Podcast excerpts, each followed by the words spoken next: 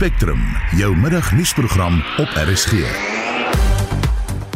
In vermiddag se program die ANC se UNIKA stel voor dat 'n nasionale noodtoestand afgekondig word weens die kragkrisis. Die kragtoevoer in Parys is herstel.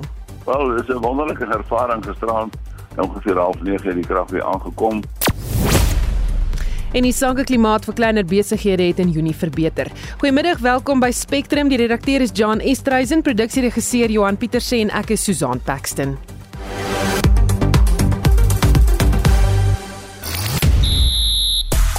Die Springbokke se oponente vir die jaar eindtoer in November word bekend gemaak. Banyana Banyana lewer uitstekende vertoning by die Vroue Afrika Nasies beker toernooi en dit is dag 5 van die krieketoets tussen Engeland en Indië met Engeland dan die stuur van sake. Ek is Shaun Justin is later terug met meer inligting. Die top 5 gonswoorde en hitsmerke op Twitter: Senzo, Sorry Jacob Zuma en Kelly, dit hou verband met die Senzo Mayuwe moordsaak, dan petrol en diesel price hike en national shutdown. Maar hierdie shutdown bly egter beperk tot 'n windlawaai op Twitter. Nou vanaand om middernag styg brandstofpryse soos jy gehoor het op sosiale media praat almal steeds daaroor maar gee raad hoe spaar mens petrol behalwe om te perd of te voet te reis? Het jy jou bestuurstyl aangepas enige gewoontes verander om hierdie brandstof te bespaar? Stuur 'n SMS na 45889 teen R1.50 per boodskap. Praat gerus saam op ons Facebook bladsy of jy kan 'n WhatsApp stemnota stuur na 076 536 6961 ons hoor graag van jou Presies 6 minute oor 12 jy luister na Spectrum en een van die ANC en NK se voorstelle om die land se kragkrisis onder beheer te bring is om 'n noodtoestand af te kondig. In hulle jongste vergadering wat gister tot 'n einde gekom het, het die party se topbestuur ook voorgestel dat die regering meer betrokke moet raak by die kwessie. Die minister van openbare ondernemings, Pravin Gordhan, het tydens die vergadering besonderhede oor die stand van sake voorgelê en 'n bewering onderskoot gekom vir die huidige chaos. Maar sal die NK se voorstel werk? Vir sy mening praat ons nou met Solidariteit se adjunk hoofsekretaris vir die openbare bedryf Helgard Kronje. Goeiemôre Helgard. Goeiemôre Susan. Dink jy die afkondiging van 'n noodtoestand is die regte uitweg?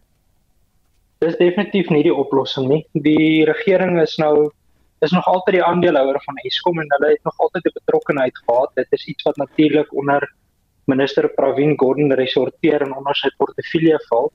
En ons bevind ons juis nou in 'n situasie waar ons in 'n energiekrisis sit, ehm um, reeds onder staatsbeheer. Die noodtoestand gee vir die staat net meer magte om besluite eensydiglik te neem en ons dink ehm um, die reputasie van die regering in so 'n noodtoestand en hulle vermoë om besluite effektiewe en goeie besluite te neem ehm um, dui daarop dat dit 'n baie slegte idee is. Ehm um, ons het nou natuurlik onlangs die ervaring gehad met die noodtoestand met die COVID-pandemie.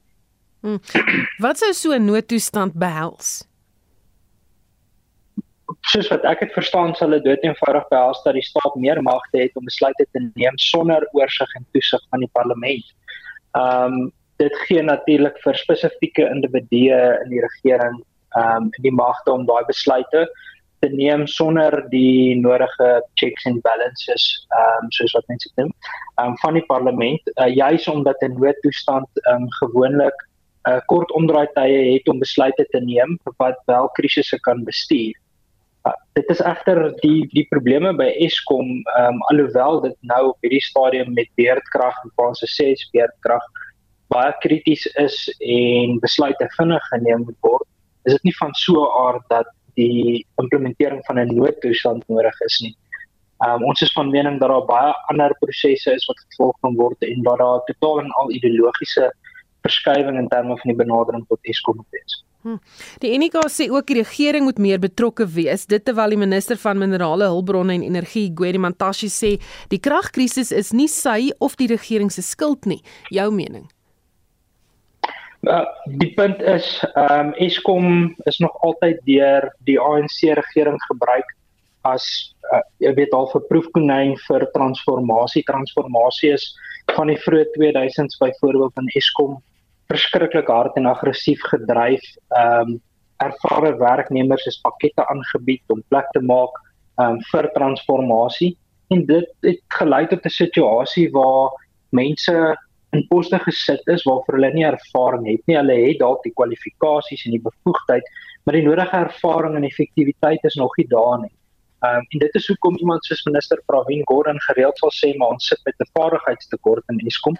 Ehm um, die op die einde van die dag is baie van die goed wat nou gebeur wel die regering se skuld en dit is goed wat 'n uh, oorsaak of 'n gevolg is eintlik van jarelange wanbestuur dan sit ons natuurlik met die staatskaping en korrupsie binne in Eskom wat nie uitgeroei kan word nie en nog nie uitgeroei is nie. Ehm um, en die tekort aan optrede deur die regering teen staatskapers. Ehm um, so daar is 'n definitiewe bydrae van die regering tot die energiekrisis en dan meneer Gwedimantashe homself is skuldig daaraan dat hulle nie besluite neem en 'n behoorlike hulpbronne plan saamstel oor die pad vorentoe vir Eskom wanneer van hierdie kragstasies die einde van hulle lewensduur bereik nie. So die die, die regering het 'n definitiewe aandeel in die huidige situasie. Ehm um, dis natuurlik lekker maklik om jouself te frons verontskuldig wanneer mense jou nie baie vrae kan vra. Ja, jy het nou genoem na dat jy verwys na 'n holistiese benadering om hierdie probleem op te los. Wat is julle idees? op die einde van die dag moet 'n ou ehm um, kyk na die alternatiewe forme van energie. Ehm um, ons sit nou in 'n situasie waar Eskom al 'n monopolie oor die energie in Suid-Afrika het. Daar's baie sprake van baie kenners wat sê ons moet daarna kyk dat dit geprivatiseer moet word. Ehm um, die mark moet oopgemaak word, kompetisie moet plaasvind tussen kragopwekkers om pryse af te dwing.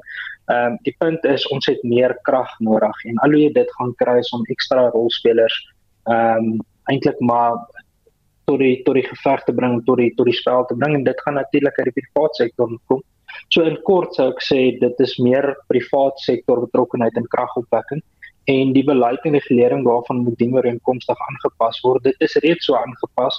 Ehm um, maar vir die vraag is natuurlik of ehm um, oh, 100 megawatt ehm um, wat wat wat nou wat mense nou privaat kan opwek genoegsaam is vir om dit winsgewend te maak en jou kapitaal terug te maak. Ehm um, daar's verskeie goed waarna ou moet kyk. Ek dink op hierdie stadium weet ons nie genoeg oor hoekom daar nie uh mense is wat privaat kapitaal belê nie. Ehm um, maar dis definitief die punt is meer privaat betrokke. Hmm. En wat die salarisonderhandelinge en die staking betref, waar staan julle? Ons het twee uur vanmiddag 'n uh, sessie tussen die vakbonde en Eskom. Ons behoort ehm um, hopelik meer duidelikheid hê. Daar's 'n konsep skikkings vir inkomste op die tafel. Ehm um, wat die NEM en NUMSA na hulle lede toe sou vat om 'n mandaat op te kry. Hopelik ehm um, is die terugvoer rondom daai mandaat positief en dan kan ons vanmiddag oor inkomste teken. Baie dankie. Dit was Solidariteit se adjunk hoofsekretaris vir die openbare bedryf Helgard Kronje. Inwoners van Parys in die Vrystaat het uiteindelik weer krag nadat die Ngwati munisipaliteit gister sowat 1 miljoen rand aan Eskom oorbetaal het. Die bedrag is gebruik om infrastruktuur te herstel wat gebreek het nadat dit oorlaai is. Die dorp se kragvoorsieningsprobleme stop egter nie hier nie, want die munisipaliteit het in die afgelope 12 jaar 1,8 miljard rand se skuld by Eskom gemaak. Die prokureur Lou van Wyk is 'n lid van die Vaalrivier Ontwikkelingsvereniging. Hulle poog nou al jare lank om die dorp se kragkrisis te ontlont. Wel, dit is 'n wonderlike ervaring gisterand. Ongeveer 09:30 het die krag weer aangekom soos wat ons dit verwag het. Dis die probleem nie so groot as wat Eskom dit gemaak het nie, maar feit van saak is die krag is terug in hele dorp wie hy genewel. Beurtkrag is nou weer ingestel om te verhoed dat die stelsel weer oorlaai word. Intussen vergader Eskom, die munisipale Eskom taakspan en die departement van samewerkende regering en tradisionele sake vandag oor die kwessie. En hulle sal dan pad vorentoe moet uitwerk tussen die Ngwati en Eskom want hulle is die partye wat die probleme het en die forum se lede en die gemeenskap van Parys is die leidende party.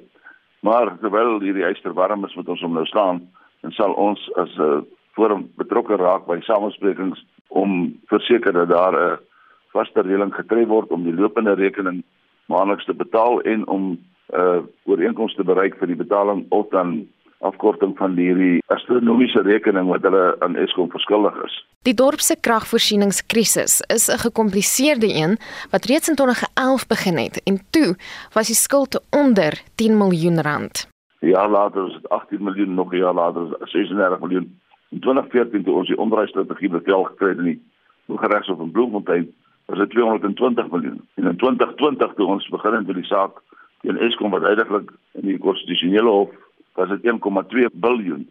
Nou staan dit op 1,9 miljard. Dit is onmoontlik om daardie bedrag terug te betaal, maar daar sal 'n reëling getref moet word van een of ander aard om Eskom tevrede te stel. Dit is 'n uh, feit dat die Guatemala kan nie vir 11 jaar 'n rekening ignoreer nie, maar aan die ander kant Eskom ook nie veel gedoen om dit te voorkom nie.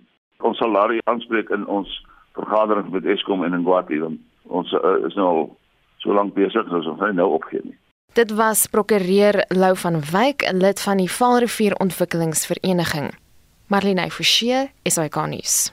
Nou die kragkrisis het veral ook 'n impak op maatskappye en veral kleiner besighede. Die sakeklimaat vir kleiner besighede het in Junie 'n verbetering getoon vanaf Mei 2020 se terugsakking. Dis volgens die jongste klein sake indeks wat pas eh, bekend gestel is en ons praat nou met Richard Downing, die samesteller van hierdie indeks. Goeiemiddag Richard. Goeiemôre Susan. Kom ons kyk gou eers was daar 'n verandering in hoe hierdie indeks saamgestel is. Ja, wat ons maar gedoen het is uh, ek dink om dit makliker te maak om eintlik uh, te weet waar ons staan in terme van saak hier sake te maak, het ons die basisjaar geskuif van 2015 af na 2020 toe. Dis die jaar wanneer COVID reg toegeslaan het en was streng inperkings gegeld het. En dan kan ons nou sien hoe ons van daai situasie af eintlik verbeter het tot waar ons by oomblik staan. Nou net om jou idee te gee in 2020 soos ek sê was die indeks dan op 100 en in 2021 108.3 so daar's iets wat van 'n verbetering in 21 en vir die eerste 6 maande van verjaar staan hierdie indeks op 108.3 toevallig dieselfde as vir, vir, vir die hele gemiddelde van verlede jaar. So daar lyk daarom of daar iets wat van 'n stabiliteit gekom het en dan soos jy sê het ons in Julie maand iets van 'n verbetering gesien in die indeks. Hmm. Wat is die redes vir hierdie verbetering?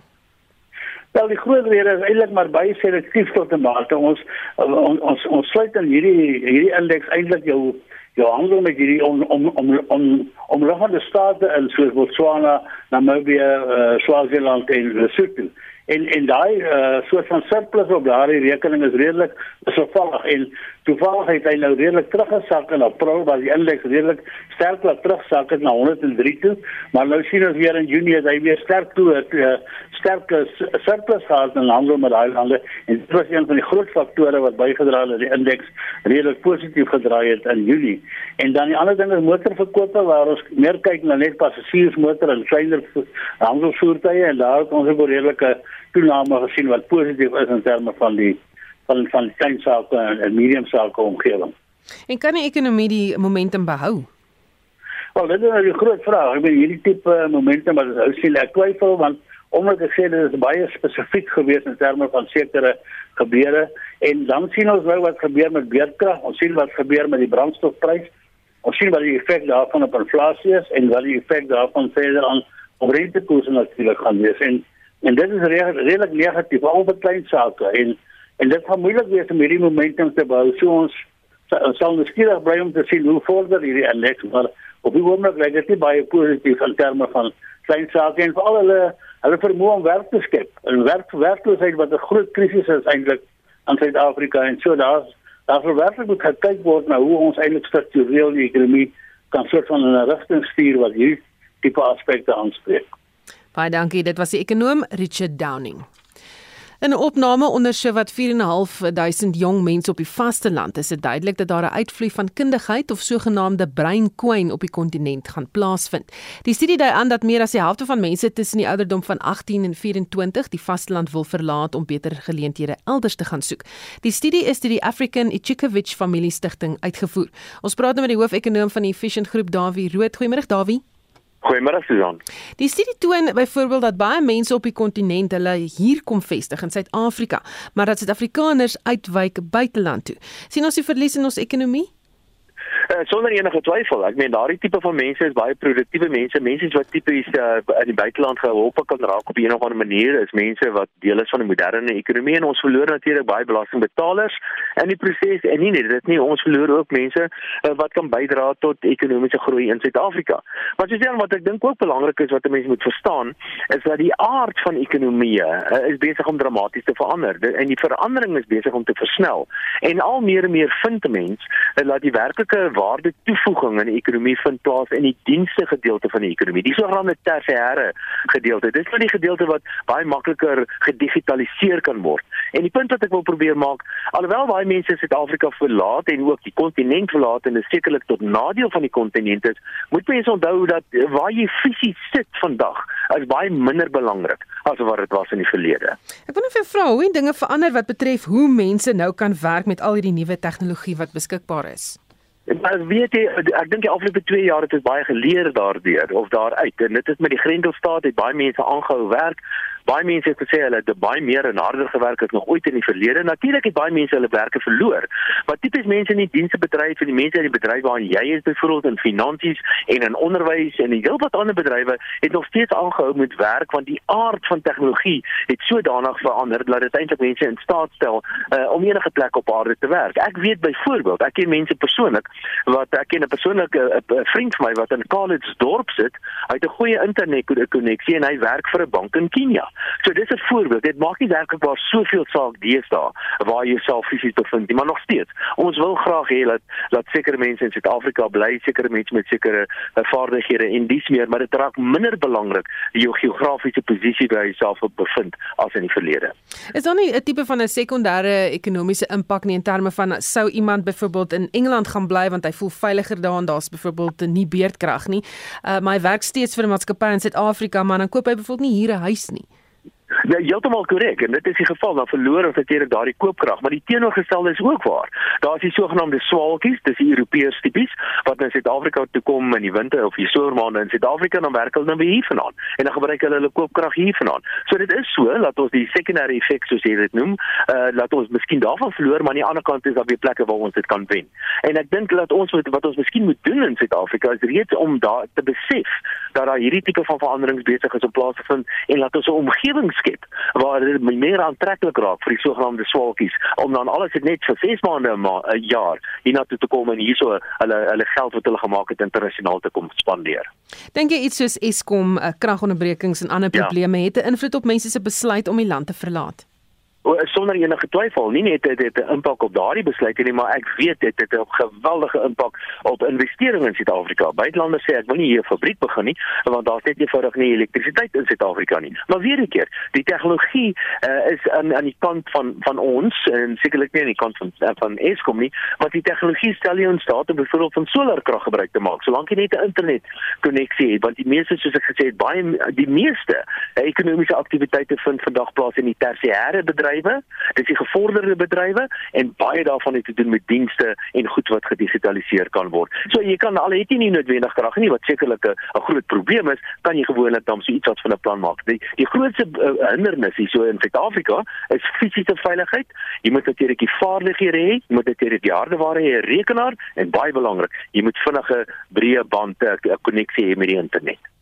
Baie dankie, dit was die hoof-ekonoom van die Vision Groep, Dawie Rood. 'n Wetenskaplike en Nywerheidsnavorsingsraad se energiesentrum Spits of ja, eerder die wetenskaplike en die Nywerheidsnavorsingsraad se e-, energiesentrum spits hulle intussen toe op ekonomiese geleenthede in die sektor vir klein, mikro en medium ondernemings. Die spulpunt waarom die sentrum se projekte draai is die regverdige oorskakeling na alternatiewe kragbronne en werksgeleenthede in die energiesektor. Die waarnemende navorsingshoof, Aratna Pandarum, het aan Marlenae Forsie gesê sy was aanvanklik 'n navorser by Eskom waar nuwe idees nie altyd welkom was nie. I've worked there for 7 years. I was doing research in renewable technologies, which is a new technology that is part of the energy system and is forming a bigger part as we go into the future. And what I noticed was that in terms of the current landscape of employees that are within the energy sector, it seems like there needs to be a reform in thinking in terms of new technologies being added to the system. I would go to my research parties and say that there is rooftop PV and rooftop solar PV systems on our distribution grid in, in South Africa.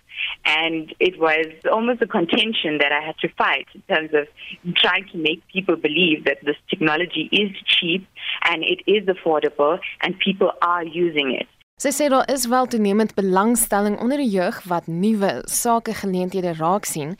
Die WNR poog nou om die relevante vaardighede te help ontwikkel en leiding te bied om meer sosio-ekonomiese geleenthede in die sektor te skep. SMMEs are a huge, significant portion that contributes to employment in South Africa.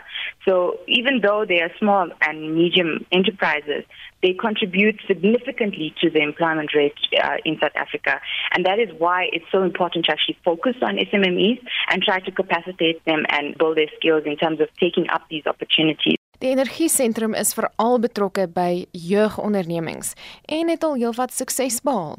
Just last week, I was actually at an event in Mpumalanga where there were the labor unions, there was a lot of community leaders available, and we were talking about what the just energy transition is. At the moment, we are seeing a gap as the CSIR in terms of uh, capacitating communities, especially in Mpumalanga. Everyone is focused on the energy transition in Mpumalanga. Even the World Bank is talking about, you know, uh, doing projects in Mpumalanga, but the communities in Mpumalanga are actually unaware of what is actually happening and how this is going to affect their livelihoods.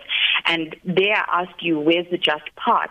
Of the just energy transition. And that's what the CSR is trying to assist with and trying to make successful so we actually can have a successful energy transition. Dit was die waarnemende projekleier by die WNR se energiesentrum Aradna Pandarum. Die projek spits om daarop toe om klein, mikro en medium ondernemings te bemagtig wat alternatiewe energiegeleenthede betref. Marlene Forsie, SAK nuus. Omgewingsnuus: Na die afsterwe van 'n man wat deur 'n wit haai in Plettenberg Baai aangeval is, is die kollig weer op haie en pylstertvisse en die bewaring van die spesies. Die bewaringsorganisasie Wild Trust sê alhoewel vir al haie 'n negatiewe reputasie opgebou het as gevolg van aanvalle en selfs rolprente soos Jaws, is hierdie diere onontbeerlik deel van die oorlewing van die marine ekosisteem. Tandeka Hlongwa, die woordvoerder van Wild Trust sê, hulle nuwe bewusmakingsveld tog genaamd On the Brink is egter reeds te laat vir twee haai spesies hier in Suid-Afrikaanse waters.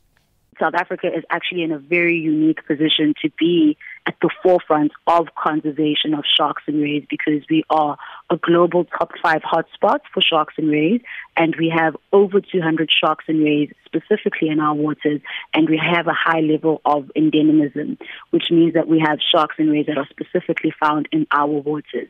But even with some of those endemics, two of them have been reported extinct in Western Cape shores. So just for us to knack back and not have any extinct, that's sort of the foundation of this campaign and where we're hoping to take it. Longwa sê as Suid-Afrika sy haai en pylster spesies beter wil bewaar, sal hy die marine bewaringsgebiede in die land moet vergroot. Specifically because On the Brink is the campaign from the project that is known as the Sharks and Rays Project, which has a bunch of partners. So, yes, interests still lie within expanding marine protected areas, but specifically for sharks and rays. So, either rezoning areas or completely zoning areas that maybe I'll just make an example maybe in Oliwal hammerheads are known to you know aggregate there more so if we can sort of get the government to commit to perhaps making that a shark and ray sanctuary, um, specifically for sharks and rays. But of course, if there are more marine protected areas that are done with the right approach, inclusive of communities and so forth, that would mean a better chance for sharks and rays. But specifically, this project is appealing to stakeholders and you know people within legislation to relook rezoning or maybe making just completely new zones for sharks and rays. Hlongwa sê dit is uiters moeilik om die publiek se mening te swaai oor die bewaring van haie, veral as daar aanvalle was. In as much as you're trying to be very cognizant of the sensitivities around shark attacks and people losing their lives perhaps to injuries, we're still also on the side of trying to sensitize the public and make a couple of facts that might not be known to the public. And we also have another campaign known as the Shark Attack Campaign, which, if you visit any of its social media platforms or even its website, it sort of gives you a beat for beat do's and don'ts. Because I mean, with just about anything, um, when you're sharing space with wildlife, there's a do's and don'ts. So I would encourage the public to, if they have time, perhaps go on the Shark Attack campaign website and just read up on some of the things that you yourself can just perhaps moderate to ensure that you don't end up in situations where incredibly sad occasions like what happened happens. And that's and of course not taking anything away from an attack having happened and someone having lost their lives. It's just also incredibly hard to come back a week later and be like hi you know we've lost a third of our sharks and rays in the world. Protect the sharks you know demolish sharks nets it is incredibly hard definitely Dit was dan Deka Hlongwa die woordvoerder van Wild Trust. Jy luister na Spectrum op RSG. In die volgende halfuur die afgelope naweek se terreuraanval in Burkina Faso dui op 'n gevaarlike patroon wat in Wes-Afrika ontwikkel. Meer as 130 mense is die afgelope 2 weke in verskeie terreuraanvalle dood. Ons sien ook Mali, Guinea, Niger en ander lande wat hierdeur geraak word. En dis 'n sluimerende krisis terwyl die wêreld op Oekraïne gefokus is. Spanning tussen die weste en China is daar 'n ernstige krisis met islamitiese terreur besig om in sekere dele van Afrika te ontwikkel. En 'n slang met twee koppe wat in KwaZulu-Natal gevind is, sê die sosiale media aan die gons. Hy's so 20 cm lank en ja, hy het twee koppe en sy nek, wel ja, 'n redelike so 5 cm lang nek en dan het hy een liggaam. Bly ingeskakel.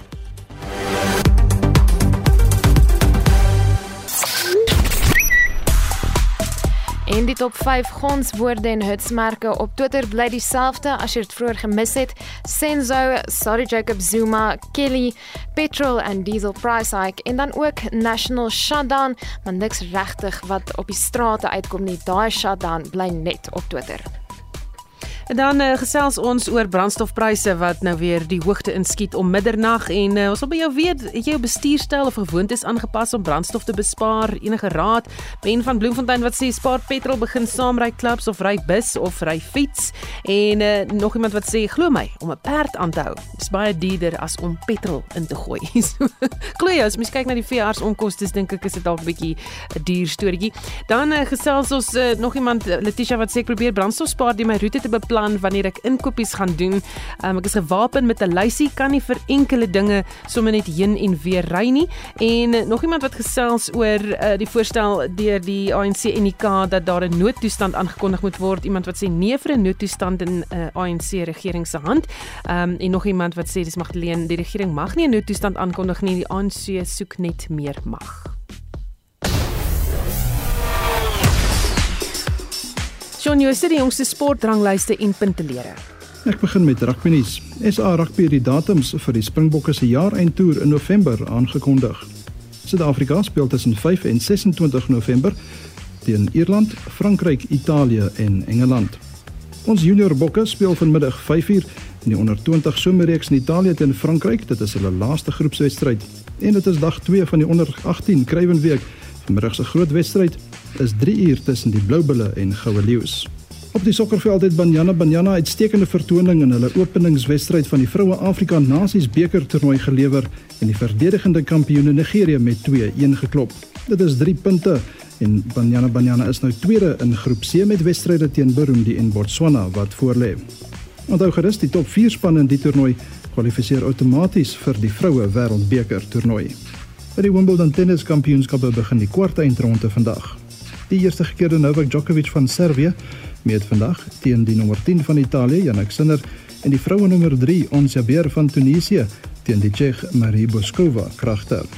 Die 15de vroue hokkie wêreldbeker toernooi het oor die naweek begin. Suid-Afrika het hulle openingswedstryd teen België met 4-1 verloor en kom vanaand 6uur teen Japan te staan.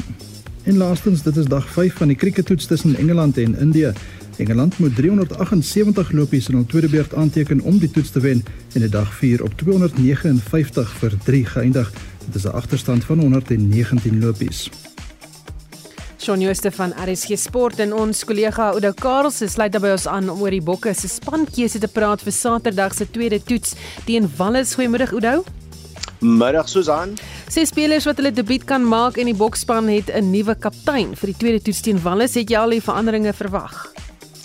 Man Susan, kyk, Suid-Afrika verlede Saterdag met net 3 punte geseëvier teen Wallis. Die verwagting was dat die Wêreldbeker kampioene die besoekers sou kaf draf. So veranderinge sou daar beslis wees, maar hierdie span is heeltemal anders as week se. So dis basies net Eben Etzebeth wat behoue bly. Die spelers wat hulle debuut sal maak is Evan Roos op 8ste man. Hy's in die 15tal uh, saam met Kurtley Arends uit die vleuel van die Bulle op regtervleuel. Uh dis nou net die span wat uh teen in Bloemfontein teen Wallis die veld sal vat uh, aan die begin. Toe toe kom Tunu, die stit van die Sharks, die slot van die Bulle Roan Norke, die Stormers voorspeler Dion Fourie en Grant Williams wat vir die Sharks op vleuel en skrim skakel kan speel, is almal op die reservebank wat ook Reinhard Elstad, Malcolm Marx en verlede naweek se strafskopheld Damian Willemse insluit. Die span word dan uh, deur Andre Pollard aangevoer in die 10 ry. Hy is ook kaptein vir Saterdag se wedstryd. Uh die voorry het uh niemand oor van verlede week se wedstryd nie. Die twee stitte is Thomas Du Toit in die een try en uh, Trevor Nyakane op 3 met die hakker Joseph Dweba. Uh die twee slotte dan Eben Etzebeth en Marvin Ari en ons los trio is Bulls kaptein uh, Marcel Kutse, Pieter Steff Du Toit wat terug is na 'n langtermyn besering wat amper sy been gekos het en die debutant Evan Roos. Jaden Hendriksen neem die plek uh, oor by Faf de Klerk op skrimskakel en soos gesê het met Andre Pallard op losskakel. Die twee senters is Andre Esterhuizen op 12 en buitesenter is die ou staatmaker Jesse Kriel terwyl die uh, vleuels bestaan uit Apelele Fassi van die Sharks op linkervleuel en die ander uh, debutant natuurlik Kurtley Arends in die 14 try en dan is ons heel agter vir Saterdag se wedstryd Warwick geland. Baie dankie dit was Udo Karelse van ons sportredaksie. Jy luister na Spectrum. 6 mense is dood en 24 gewond in nog 'n massa skietvoorval gister in Highland Park naby Chicago in die VSA.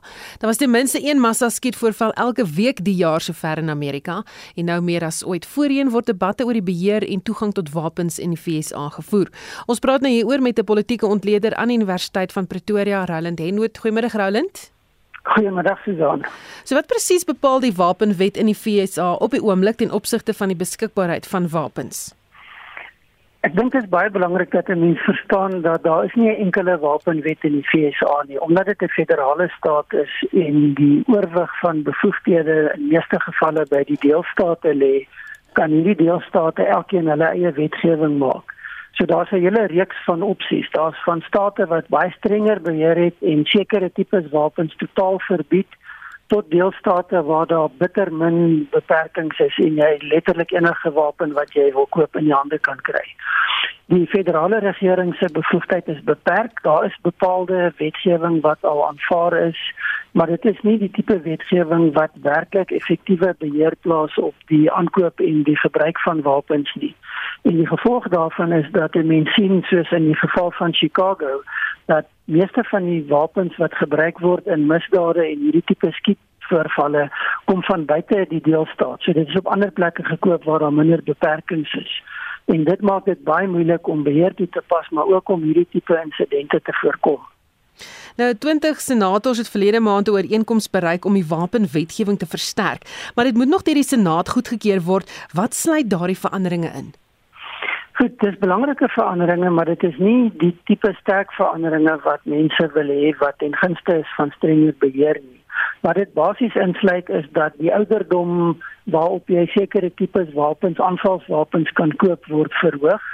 Dit beteken dat daar sekere veranderinge in regulasies moet kom soos dat jy sekere persoonlikhede wat bepaalde gedragsafwykings of gevaarlike tendense, byvoorbeeld gewelddadig is, en 'n rekord daarvan het dat hierdie mense op 'n database gelys word en dat hulle beperk word om hierdie tipe wapens te kan kry.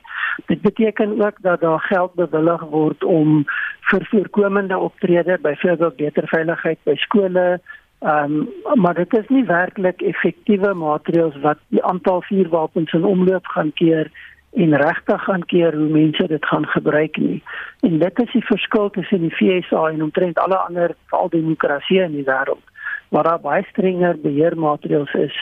Ehm um, wat begin by jy mag glad nie sekere wapens kry nie tot redelike moeilike vereistes om wel wapens te kry. Ehm um, om net eenvoudig te sê daar moet 'n agtergrond ehm um, toets of of of ehm um, klaring gedoen word om te kyk of jy bevoeg is maar daar geen werklike toets wat wat aangelê word nie beteken dat jy redelik gemaklik enige plek op 3 tot 4 wapen kan kry en daar's nie regtig beheer oor hoe die mense wat dit in die hande kry en hoe hulle dit gebruik nie. Hm. Hoekom dink jy is daar so 'n kultuur van massa skietvoorvalle veral by skole en groot samekomste in Amerika? Dis baie moeilik om te bepaal. Ehm um, daar's verskillende teorieë wat mense het. Die die feit van die saak is dood eenvoudig dat jy sit met 'n baie groot bevolking, jy sit met 'n geweldige groot getal vuurwapens in omloop en dan sit jy met waarskynlik die die die feit dat daar in 'n sekere sin 'n romantisering van wapens en die gebruik van wapens is. En in baie van die gevalle wat jy mens gaan kyk, sit jy met mense wat een of ander ehm um, sielkundige probleem het. Ehm um, en dit kan 'n hele spektrum wees wat betrokke is by hierdie skietvoorvalle. Dan is daar ook al hoe meer tekens van mense wat 'n meer radikale ingesteldheid het. Dit kan 'n godsdiens of 'n ideologiese ingesteldheid hê. En en dit is die tipe goed wat mense dan dryf om bepaalde optrede te gaan onderneem wat op hierdie massa um, skietery uitloop. Hmm, want uh, jy weet mense vra eintlik die vraag waar kom hierdie debat en vurigheid oor wapens dan nou vandaan uh, die debat oor vuurwapens en die besit daarvan en jou reg om dit te besit word nie in ander lande of demokratieë so gedryf soos daar nie. Nee, en, en ek dink daar's twee belangrike redes waarom dit so is. Die eerste is die feit dat die ehm um, grondwet van die FSA artikel die of die tweede wysiging beskerm die reg om 'n vuurwapen te dra. En dit is in die in die hoogste hof in Amerika getoets en die bevinding was dat daar nie be, onnodige beperkings mag wees nie. Mense het die reg om vuurwapens te dra. Nou dis natuurlik 'n groot debat want die die grondwet gaan 200 plus jaar terug en die konteks waarbinne daardie ingebring is is natuurlik heeltemal anders as dit vandag bestaan.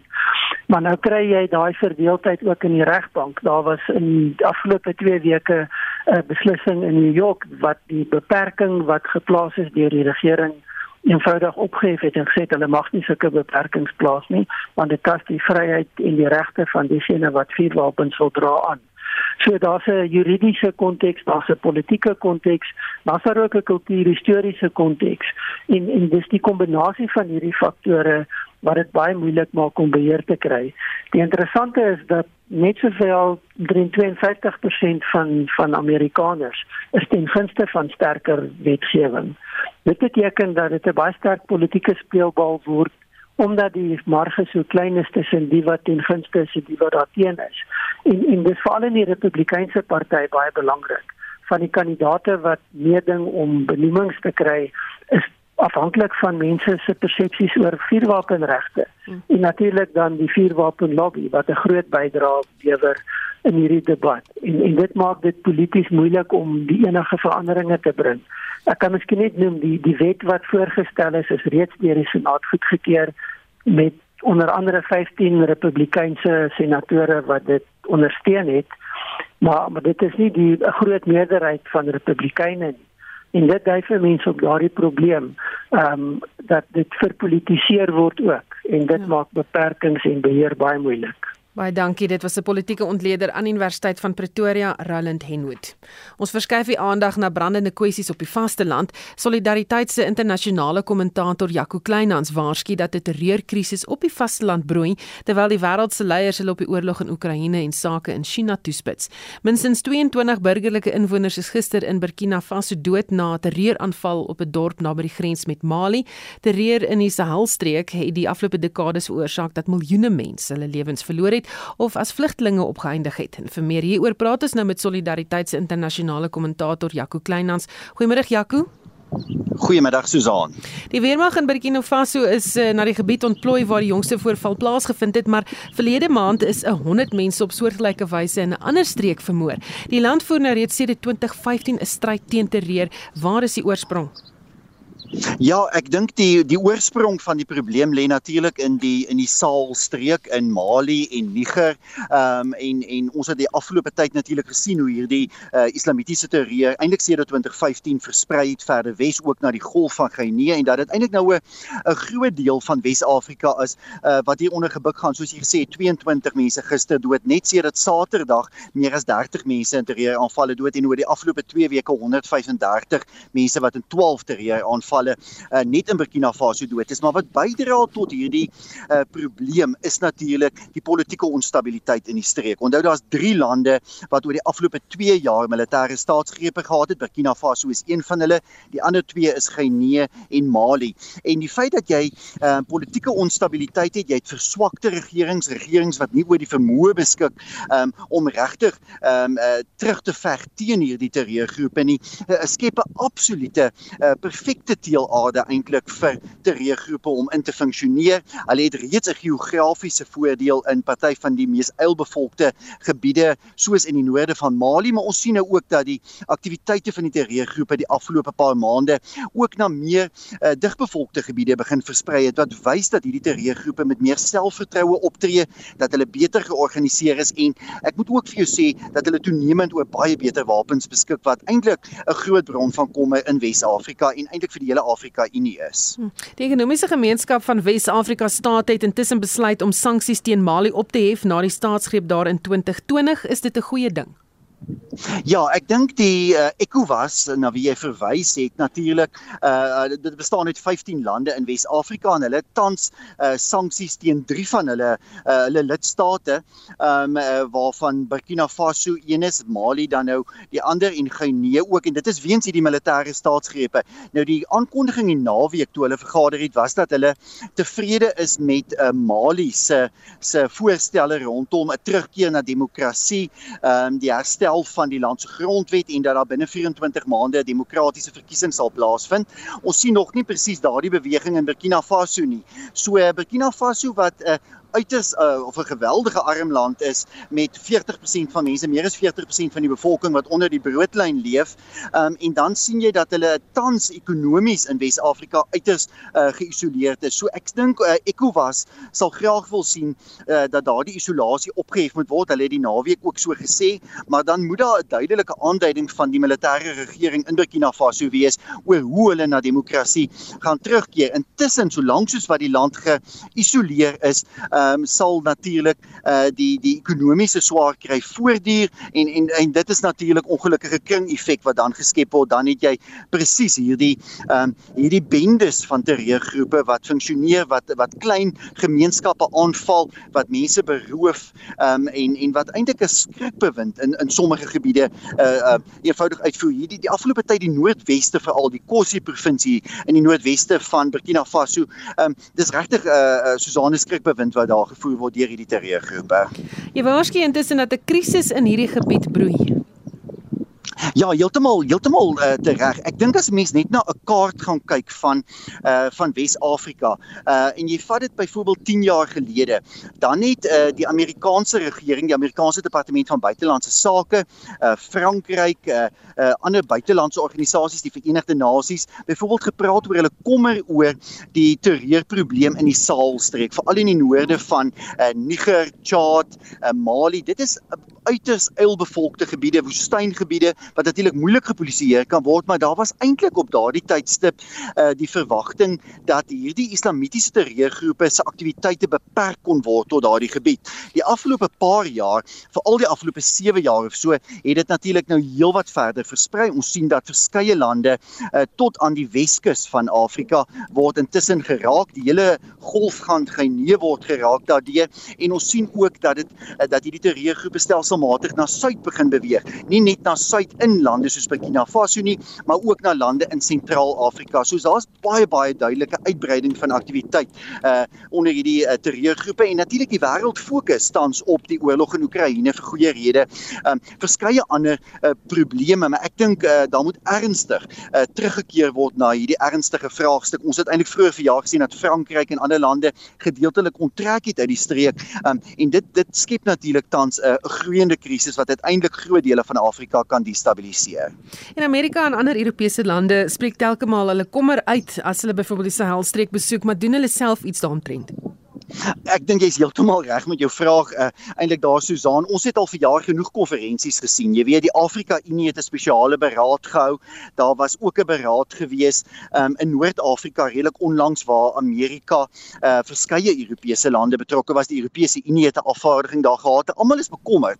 Almal sê hulle is baie bekommerd. Almal maak beloftes um, oor spesialistkennis wat gedeel sal word en alles, maar ek dink eenvoudig um, die probleem word nie doeltreffend hanteer nie. Frankryk het 5000 soldate onttrek uit Mali. Hulle het van die soldate wel na Niger gestuur, maar ons sien eintlik dat die lande uh, in Wes-Afrika nie tans oor die vermoë beskik om hierdie probleem te hanteer nie. Hulle moet beter bemagtig word en daarvoor het 'n mens 'n baie baie groter 'n uh, 'n plan nodig. Natuurlik is die is die eerste prioriteit politieke stabiliteit. Ek dink dit is noodsaaklik dat daar in lande soos Burkina Faso en en Mali 'n uh, politieke stabiliteit moet kom, maar saam met politieke stabiliteit uh, moet daar natuurlik ook 'n uh, 'n uh, uh, uh, uh, internasionale poging wees om hierdie terreurgroepe teen te werk en ek dink ons sien uh, tans um, eerder 'n uh, uh, verskuiwing van fokus deur byvoorbeeld die FSA uh, en Europa te veel beloftes te min dade en en dit is hoekom ons tans byna daagliks terreuraanvalle in Wes-Afrika sien.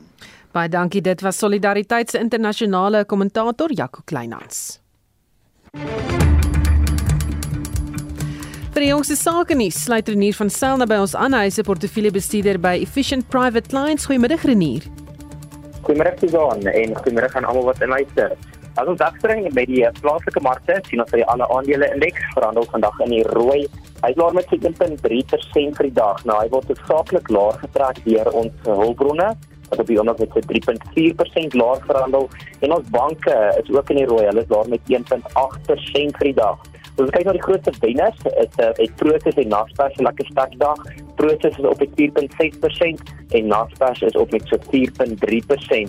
Aan die ander kant van die muntstuk het ons gesien dat uh, uh Anglo American is laer met 5.6% en Glencore, nog 'n kommoditeitsmaatskappy, is laer met 4.4%. Dan in ander nuus het ons ook vandag gesien dat Nampak se aandeleprys het met meer as 8% geklim. Hy het 'n verdere 6 maande gekry om uh, meer as 1 miljard rand af te betaal en dit beteken ook dat hy nie mark toe hoef te kom om regte uitgifte um, uit te reik nie.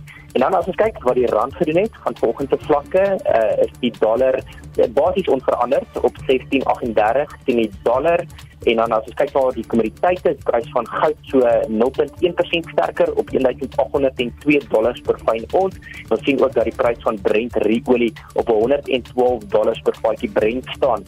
By die Amerikaanse markte was gisteraand gesluit vir onafhanklikheidsdag.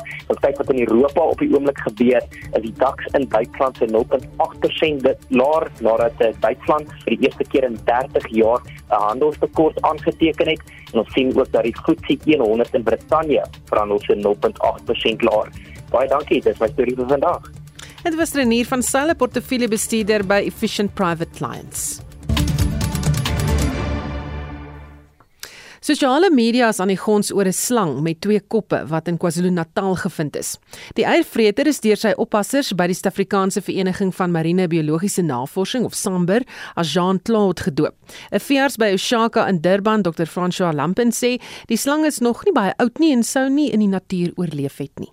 Hierdie eiervreter het ons ek dink 10 dae gelede gekry. Nick Evans is 'n slangvanger hier so in die omgewing van Durban en ons werk baie saam met hom. Hy is 'n uh, omgewingskundige en hy is bewaring van slange is baie na aan sy hart. As hy uitgeroep word om slange te kry, dan bring hy hulle as hulle beseer is of so dan bring hulle baie kere na ons toe en dan kyk ons dat ons hulle gesond kry.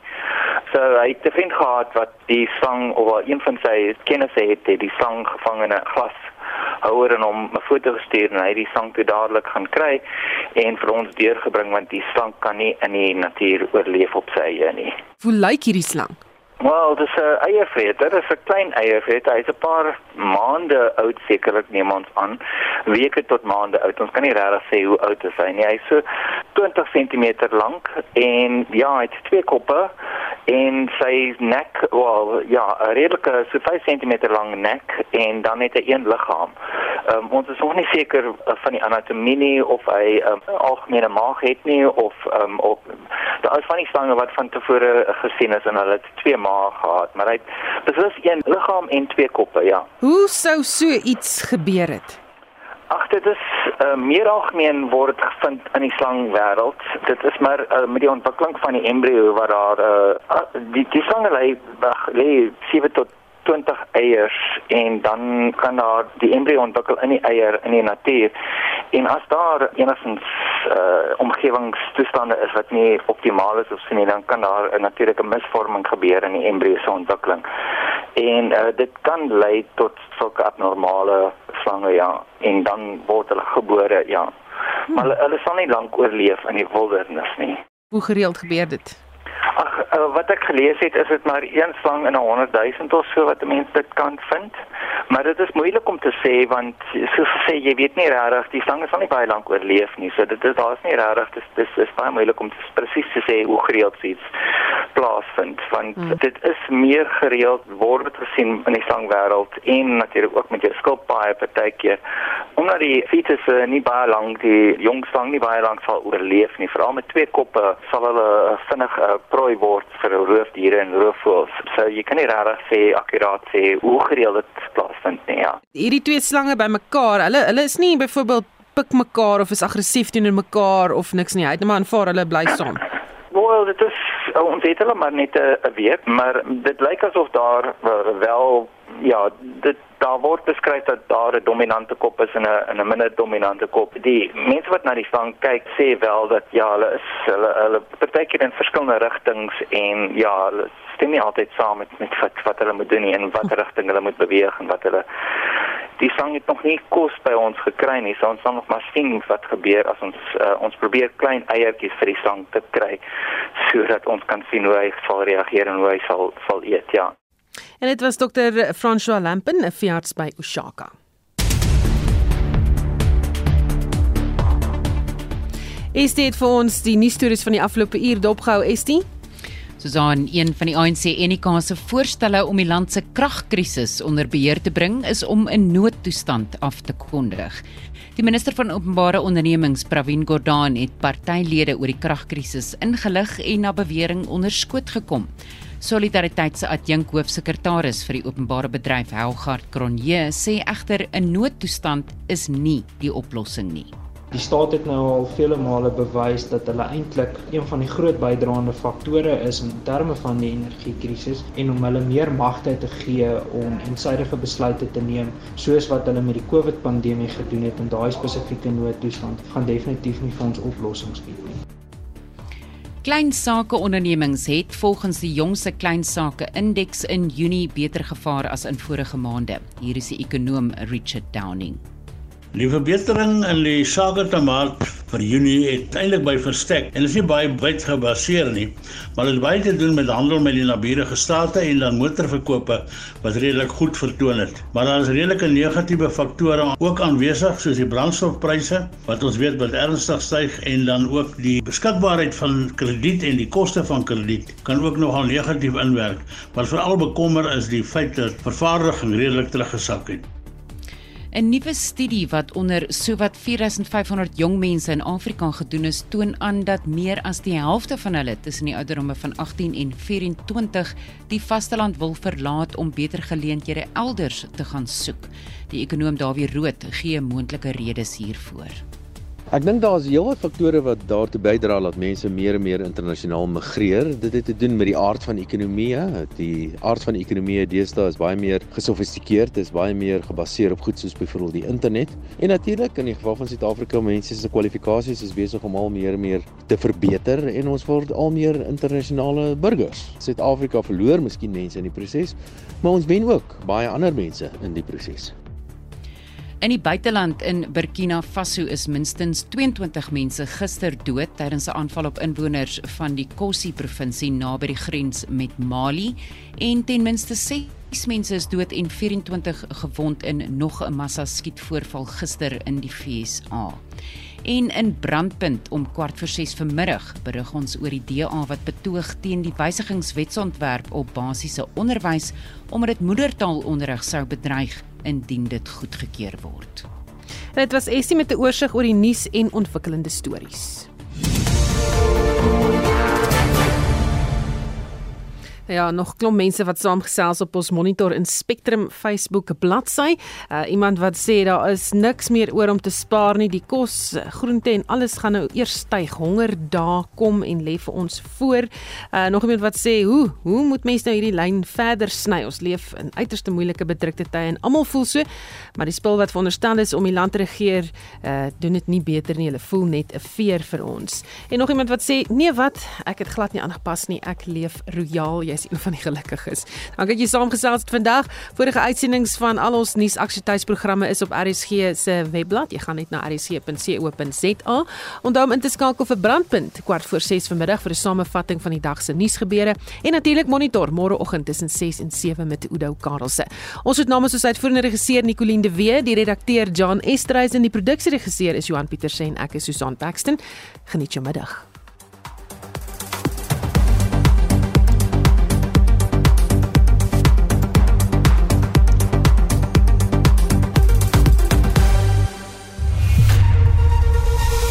SAK nuus.